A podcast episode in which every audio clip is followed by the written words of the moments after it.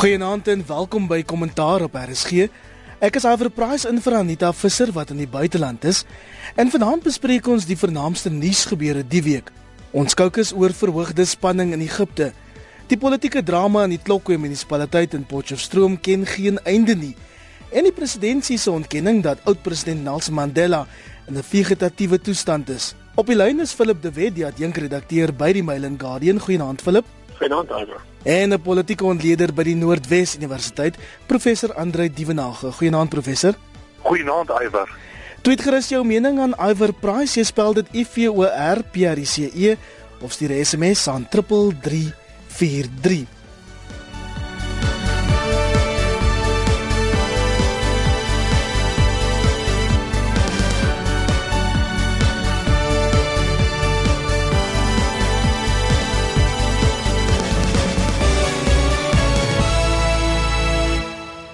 Nou ja meneer, dit was 'n besige week in Suid-Afrika, maar die groot storie vandag is die in Egipte.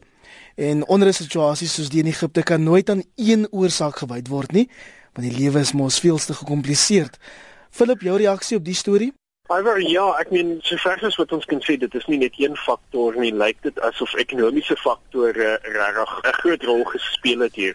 Ek meen sedert Morsi oorgeneem het, het dinge nie goed gegaan met Egipte nie. Die toeriste het nie teruggekom nie. Baie baie mense, die syfers wys vir ons dat daar omtrent so ekstra miljoen mense is wat werkloos is sedert 2010. So daar was definitief ekonomiese ongelukkigheid. Natuurlik is altyd interessant om te kyk na die Suid-Afrikaanse ekwivalensie ehm um, hiervan. Die werkloosheidsyfers in Egipte is nog steeds ver onder die wat ons in Suid-Afrika ken. Maar vir die Egiptenare was daar allerlei probleme wat gekom het saam met die die oorgooi van Mubarak. Onder andere mense wat nie regtig maklike toegang gehad het tot kos meer nie. Jy weet en, en dis faktore waar revolusie altyd 'n moontlikheid is nou of dit 'n coup was en of dit 'n revolusie was sal iets wees wat die wat ek dink die die politieke ouens nog sal bespreek vir baie jare.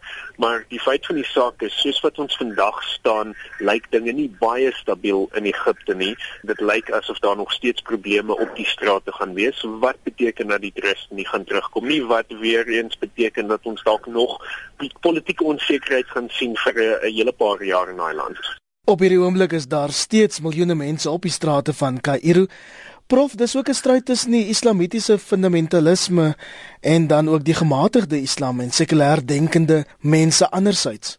Fiber inderdaad, ek dink die oorsake van hierdie tipe konflikte is meestal kompleks en ek dink Philip het die ekonomiese kant aangeraak wat 'n baie belangrike sneller meganisme was, maar agterliggend is dit ook waarna jy verwys, 'n Christelike kan ons sê georiënteerdheid aan die een kant, aan die ander kant sit 'n mens met 'n baie sterke sekulêr demokratiese invloed en aan die ander kant natuurlik jou moslem invloede wat baie sterk is wat wissel van meer radikaal tot meer gematig. En dan moet mens natuurlik ook onthou daar's 'n bepaalde gees en klimaat binne daardie groter omgewing wat te doen het met die Arabiese lente en die konflikte wat daarmee verband hou. Ons dink aan dit wat op die oomblik in Sirië aan die gang is. Mens dink aan dit wat in Libië gebeur het.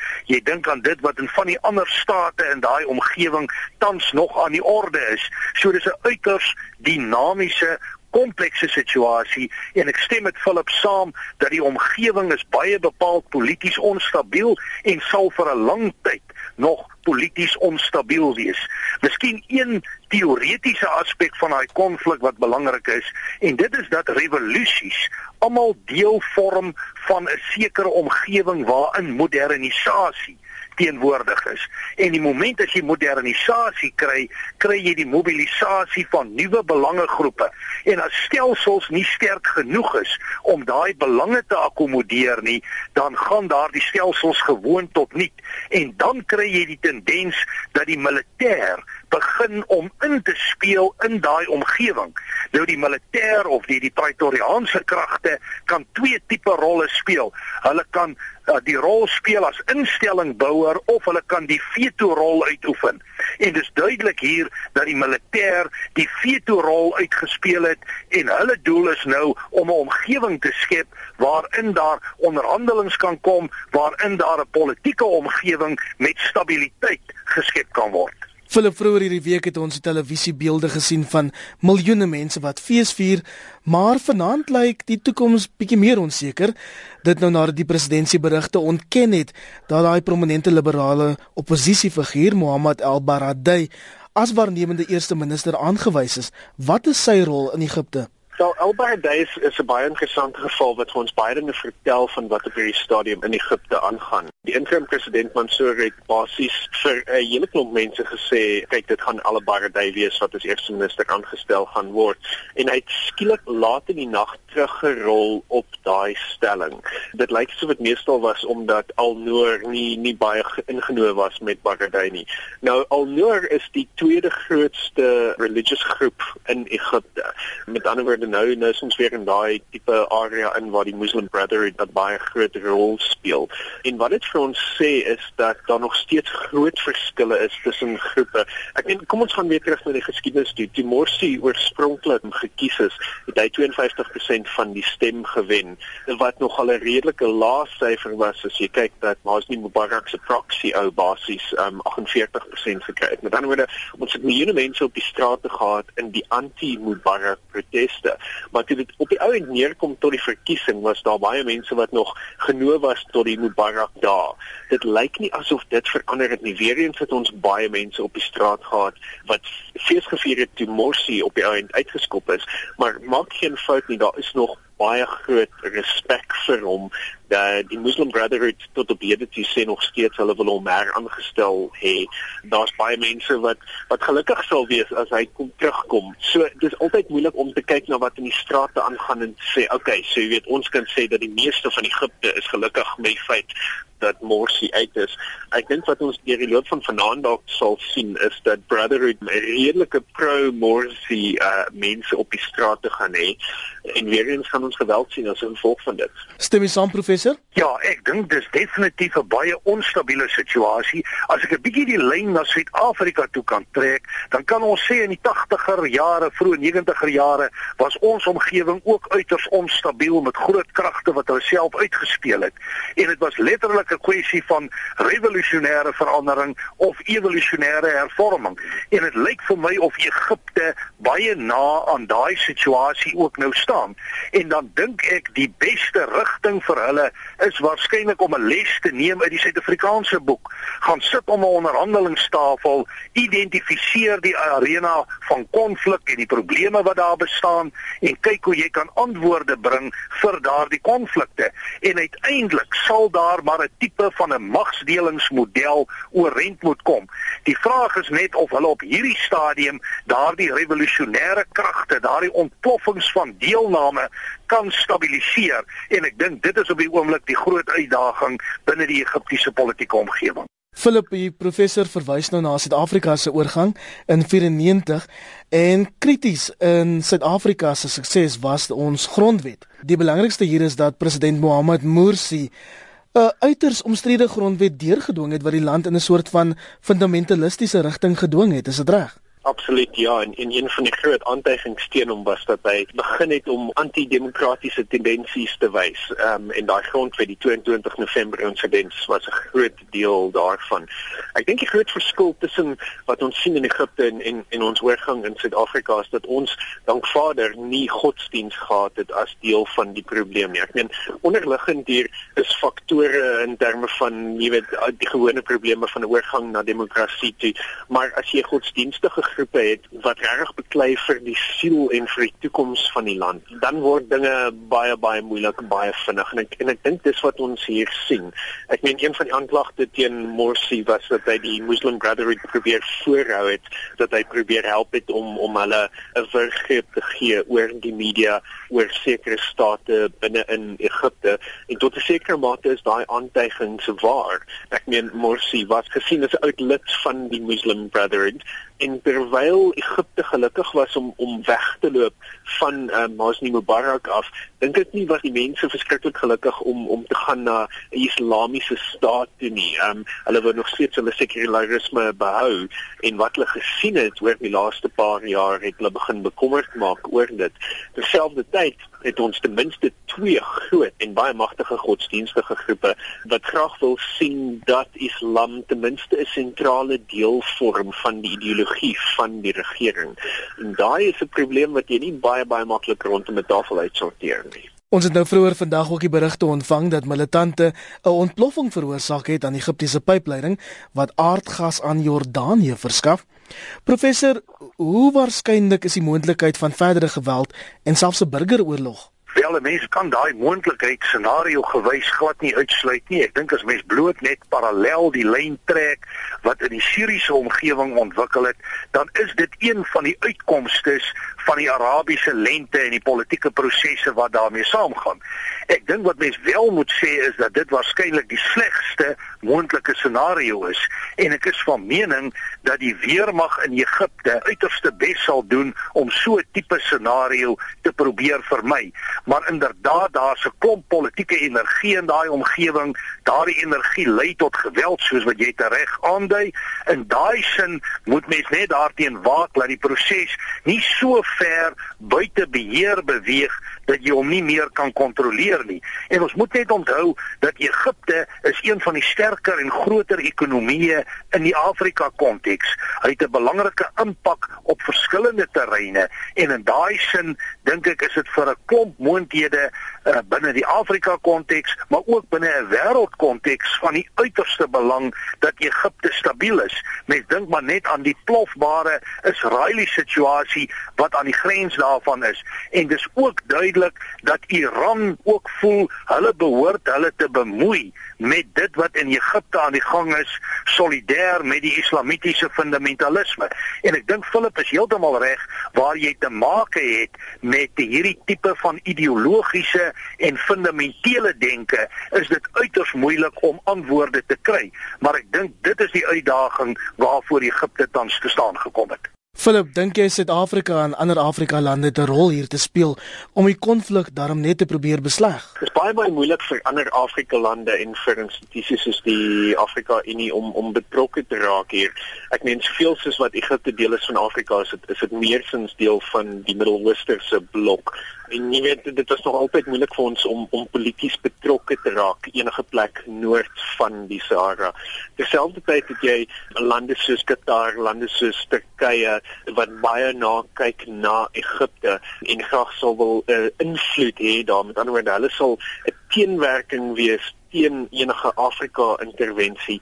Ek weet nie of Suid-Afrika regtig die invloed het om 'n verskil te maak daar nie. Ek weet nie dat veel ander Afrika lande regtig invloed sal hê nie. Ons sal uh, eerder dalk sien dat ek soos Rusland die betrokke sal raak by daai uh, onderhandelinge. Stem jy saam, Andre? Wel ek moet sê ek stem saam daarmee dat hulle bepaald 'n belangrike rol en invloed uitspeel in jou Midde-Oosterse konteks en in die Arabiese wêreld, maar daar's tog ook vir my 'n Afrika lyn wat bestaan. En soos ek dit het, het die die Afrika Unie ook reeds sterk gereageer op dit wat hulle noem die staatsgreep in Egipte. So daar is 'n bepaalde lyn, maar ek stem saam die meer dominante kragte is die moslimpolitiek van die Middellandse gebied en die verdere omgewing. Maar ek dink die Afrika lyn is ook daar en ek dink Suid-Afrika sou op maniere tog 'n rol in die verband kon speel, maar ek stem saam ons invloed sterker in die direkte omgewing Afrika suid van die Sahara en natuurlik die Suid-Afrikaanse ontwikkelingsgemeenskap. Ons hou natuurlik hier by RSG die spanning in Egipte met 'n valkoog dop en vir meer hieroor wat oornag gebeur, luister gerus môreoggend tussen 6 en 8 na Monitor.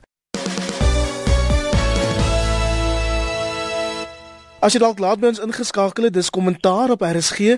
My naam is Iver Price en my gaste vanaand is die politieke ontleder professor Andre Dievenage van Noordwes Universiteit en die Mail and Guardian se adjunkredakteur Philip De Wet. As ons nou kan beweeg na eie bodem, oud-president Nelson Mandela se familie is glo deur dokters aangeraai om die masjiene wat hom aan die lewe hou af te skakel. Dis nou wat die Hooggeregshof in Tata vroeër die week aangehoor het.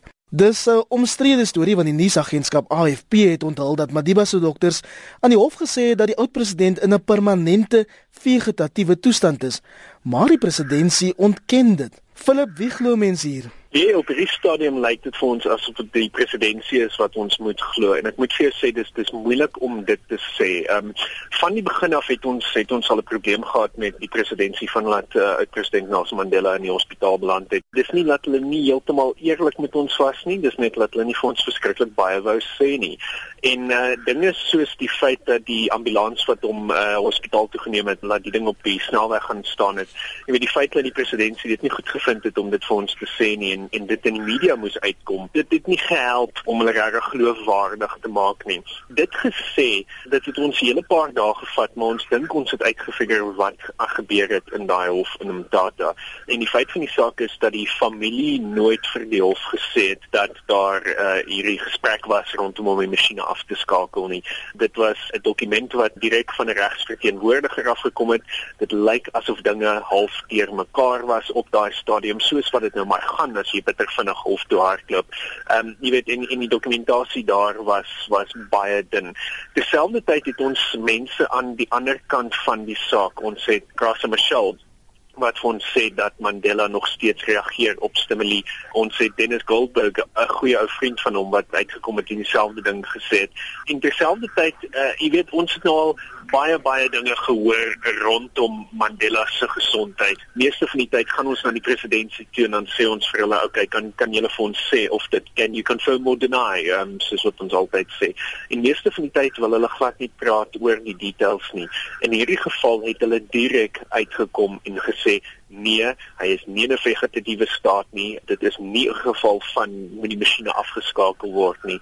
So ek moet sê ons ons leun na hulle kant toe op hierdie stadium. Dit lyk asof die waarheid is regtig dat Mandela ja, hy is op 'n ventilator, uh, ventileerder, ons weet dit nou vir 'n feit, maar dat hy al al klaar basies dood is soos wat die implikasie was in daai hofdokumente, dit lyk nie asof dit die geval is nie. Die presidentsie sê in elke verklaring wat ons ontvang dat meneer Mandela se toestand steeds bedenklik maar bestendig is. Nou dit is maar 'n baie vae beskrywing. Professor, dink jy nie ons behoort ook van meneer Mandela se dokter self te hoor oor sy toestand nie? Iwer, ek dink die groot probleem hier is dat daar swak kommunikasie is rondom die toestand van meneer Mandela. En dit gee aanleiding tot bespiegelings, die vestiging van persepsies en so aan. En ek moet eerlik sê, ek neem tot 'n sekere mate die presidentsie daarvoor kwaad dat hulle nie gereeld akkuraat kommunikeer met betrekking tot dit wat by meneer Mandela aan die gang is nie. Ek dink dit sal 'n baie beter manier wees om die saak op daardie wyse te bestuur en te hanteer as wat jy die hele tyd joernaliste het wat na inligting soek. Jy kry skeefgetrekte beelde en dit skep weer persepsies en so gaan dit aan. So ek dink die kernmoeilikheid is goeie kommunikasie en ek sou graag wou sien dat die presidentsie op 'n gereelde basis verslag doen op 'n akkurate wyse. Die moeilikheid is ongelukkig dat meneer Mandela se statuur so geweldig groot is en so geweldig sterk is dat hy bepaalde impakte polities het en dat waar ons staan ook in die aanloop tot 'n verkiesing die die Nelson Mandela nalatenskap op maniere gebruik en misbruik kan word en die ongeluk is dat dit dikwels lei tot skeefgetrekte kommunikasie. Philip, dit was nou nogal vir my interessant om hierdie week te sien hoe daar gekommunikeer word oor oud-president F.W. de Klerk wat skielik 'n pas aangeheer moes kry. Ons het baie gereelde en baie gedetailleerde verklaringe oor sy gesondheid gekry. Ja, nee, dit is nie 'n moeilike ding om te doen nie. Dit is nie asof jy uh, 'n uh, perskonferensie hoef te roep en te sê wel op hierdie stadium is oud-president Nelson Mandela se bloeddruk X en sy puls is, is Y nie. Al wat jy hoef te doen reg is om die weermag dokters voor die media te sit, voor die nasie te sit. Mense wat outomatiese geloofwaardigheid het omdat hulle dokters is. Jy weet dis mense wat ek dink almal sal glo um, en redelik maklik sal glo. En al wat nodig is is vir hulle om uit te kom en te sê, "Oké, okay, ehm um, jy weet dinge gaan nie goed met hom nie, maar hy is stabiel. Ja, hy is op 'n ventileerder. Ons wil graag wil hê dat mense vir hom moet bid." Dis reg al wat nodig is om al hierdie spekulasie weg te vat. En en dit is my moeilik om om in te sien hoekom die presidentsie so wegbly van dit af. Ja, dit is 'n sensitiewe saak. Ja, dit is 'n saak met politieke overtones ons. Maar regtig eens, dis nie so moeilik om ons net 'n bietjie in die loop te hou nie. Die grootste gedeelte van die nasie is baie bekommerd oor Mandela. Dis nie asof hulle, jy weet, aanhang aan details nie. Dis regtig, dis iets wat uit 'n plek van liefde uitkom, dink ek. En dis redelik maklik om mense net gerus te stel tot die mate wat dit moontlik is. Ek het toevallig vanoggend die New York Times gelees op die internet en daar was baie gedetailleerde inligting oor president Barack Obama se gesondheid, onder andere inligting oor sy bloeddruk en selfs die uitslag van sy kolonoskopie. Nou weet ek ook dat meneer Mandela se dogter Makaziwe die week in die buitelandse media uitgevaar het. Professor, wil jy bietjie uitbrei oor die verskillende aanslae van die buitelandse en die plaaslike media? Weet jy, Iwer, ek persoonlik dink dit is gewoon 'n soektog na 'n uh, inligting om die ware stand van sake vas te stel.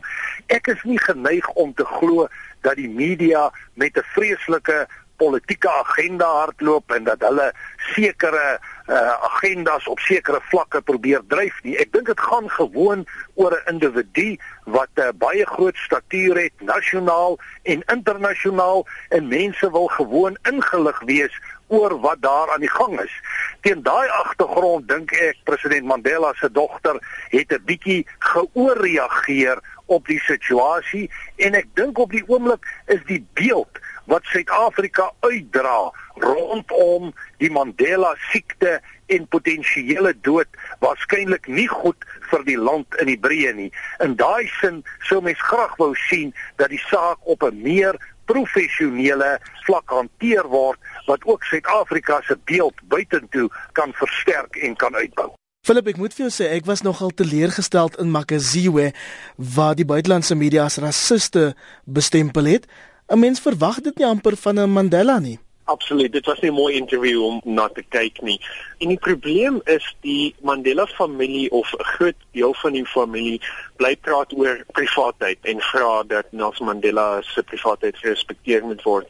Die probleem natuurlik is dat kom ons begin by Makaziwe haarself. Makaziwe het 'n het 'n wynmaatskappy House of Mandela wat basies Nelson Mandela se naam gebruik om wyn te verkoop in die buiteland. Ons het die twee klein kinders wat op die realiteit TV series is, King Mandela. So op een hand het ons 'n familie wat heeltemal gelukkig is om die Mandela naam te gebruik wanneer daar gewin in dit is. En aan die ander kant te sê wel nee nee nee dis dis familiesake hierdie.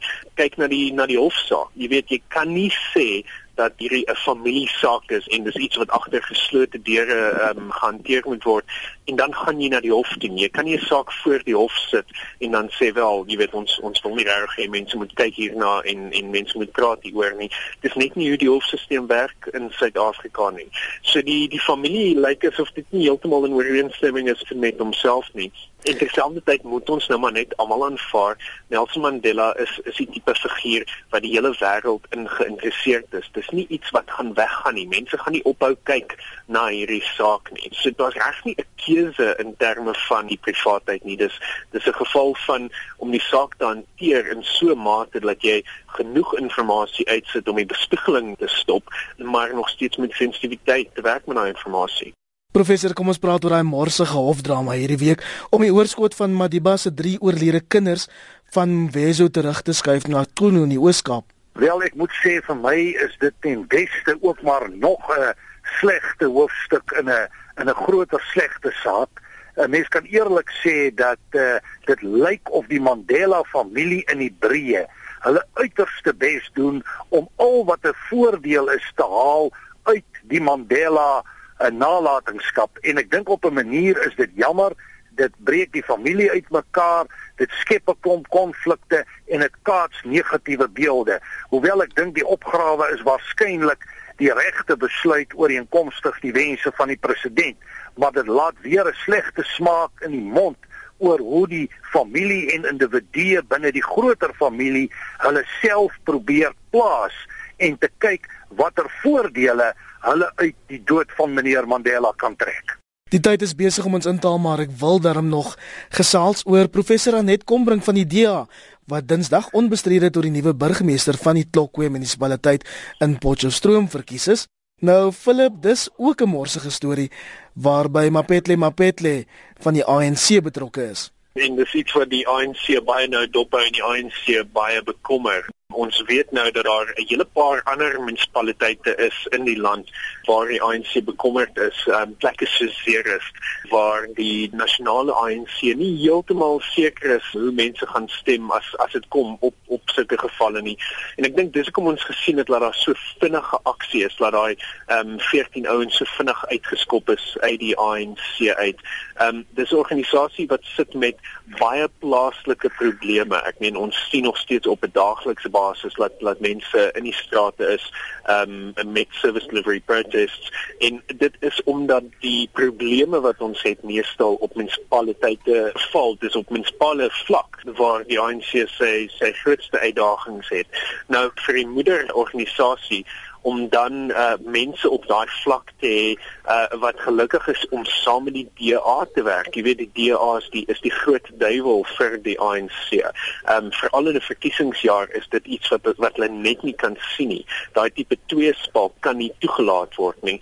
Die probleem natuurlik is dat dit die ANC dalk nou gesien kan word selfs deur uh van die plaaslike representatives as 'n autokratiese liggaam, as 'n liggaam wat gelukkig is om mense uit te skop as hulle besluite neem op 'n plaaslike vlak wat hulle voel absoluut noodsaaklik is wanneer hulle voel dat hulle nie ander keuse het as om saam met die DA te stem nie.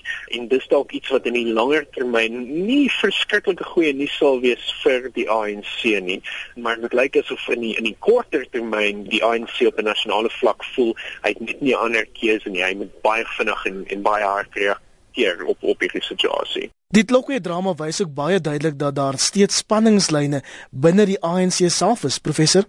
Iwer sonder enige twyfel. Ek dink wat ons sien uitspeel het by Klokwe nou by meer as een geleentheid waar die DA beheer neem van die munisipaliteit het direk te maak met die interne konflik en faksiegevegte binne die ANC, nie net op die plaaslike vlak nie, maar veral op die provinsiale vlak. En dit is vir my baie duidelik dat die ANC provinsiaal probeer om hulle magsbasisse te konsolideer, veral die voorsitter van die ANC, meneer Supra Mohomopelo, probeer sy magsbasisse konsolideer en daar's geweldige reaksie daarteen. En daardie reaksie beteken dat Lutuli huis telkens gedwing word om direk in te gryp by die laaste herverkiesing van meneer Mapetle Mapetle was daar byvoorbeeld verskeie senior amptenare van die ANC en selfs ministers teenwoordig om toesig te hou dat ANC-lede reg stem.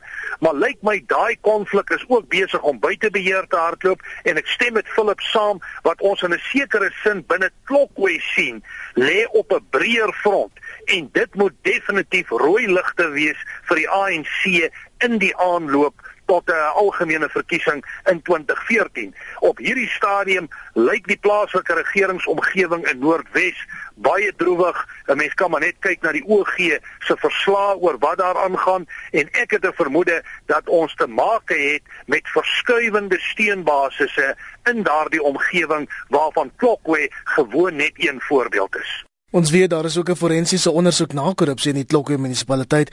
Dis nou waarmee die DEA begin het en dit het intussen uitgekring na die polisie en die openbare beskermer. Philip ten slotte, wat kan ons nog in Klokwe verwag? Daar groot moeilikheid om mee te begin en ek dink dit hou vir die Noordwes uh oor die algemeen die Noordwes is 'n probleemprovinsie vir die ANC. Nie die grootste provinsie in die land nie, dalk nie die belangrikste provinsie in die land nie, maar dit is 'n plek waar soos ons nou sien in Klokwe waar die DA die twee spalk goed kan uitby en dit kan dalk 'n probleem wees wat wat die ANC nie kan hê nie is dat volgende jaar die stemme in Noordwes skielik begin wegval vir die ANC. Ek dink nie daar's noodwendig 'n 'n kans dat die ANC die provinsie sal verloor nie, maar dis 'n organisasie wat moet wys dat hy kan vasbyt, dat hy kan aanhou aan die provinsies wat hy het op hierdie stadium. Anders sal lede dalk begin kyk na na ander organisasies. Jy weet, dis op 'n plaaslike vlak is daar 'n hele klomp organisasies wat graag ANC-lede sou wil uitlok, veral organisasies na die linkerkant van die politieke spektrum toe. So dis iets wat ons nou sal moet dophou, maar in Klokwe self o ja nee, dis nie dis nie die einde van die pad hierdie nie. Professor, dit is dalk so dat Noordwes 'n relatiewe klein provinsie is, maar nou weet ons ook in die nasionale konteks tel elke stem in Suid-Afrika. Iwer sonder twyfel is Noordwes 'n kleiner provinsie, maar waar jy te maak het met kleiner wordende meerderhede wat vir my lyk of dit die ANC se toekoms is, word selfs klein provinsies soos die Noord-Kaap, die Vrystaat, Noordwes en selfs die Wes-Kaap ook belangrik. As mens vinnig net iets kan sê oor die toekoms van Klokwe, dis vir my duidelik dit gaan 'n herhaling wees van toe Anet Kombrink die vorige keer burgemeester geword het. Daar gaan weer mosies van wantroue wees. Daar gaan weer verskeie dissiplinêre verhore wees. Daar gaan waarskynlik hofsaake wees. My inligting is dat daar nou teen Maandag weer gesprekke gevoer gaan word tussen die DA en die ANC en ek verstaan dat sewe tussenverkiesings geskeduleer moet word vir die nabye toekoms en dat die ander sewe lede proporsioneel vervang gaan word wat waarskynlik weer gaan lei tot verdere mosies. So ek dink nie ons het die einde gesien nie.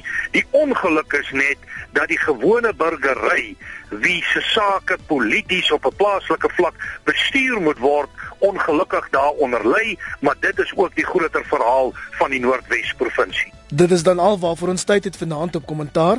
Baie dankie aan Philip de Wet, die adjunkredakteur by die Mail and Guardian. Dankie Philip. Dankie Ivor. En dankie professor Andre Dievenage, 'n politieke ontleder verbonde aan die Noordwes Universiteit. Baie dankie Ivor. Van my Ivor Price tot sins. Ek groet tot môreoggend tussen 6 en 8 in die Monitor Ateljee.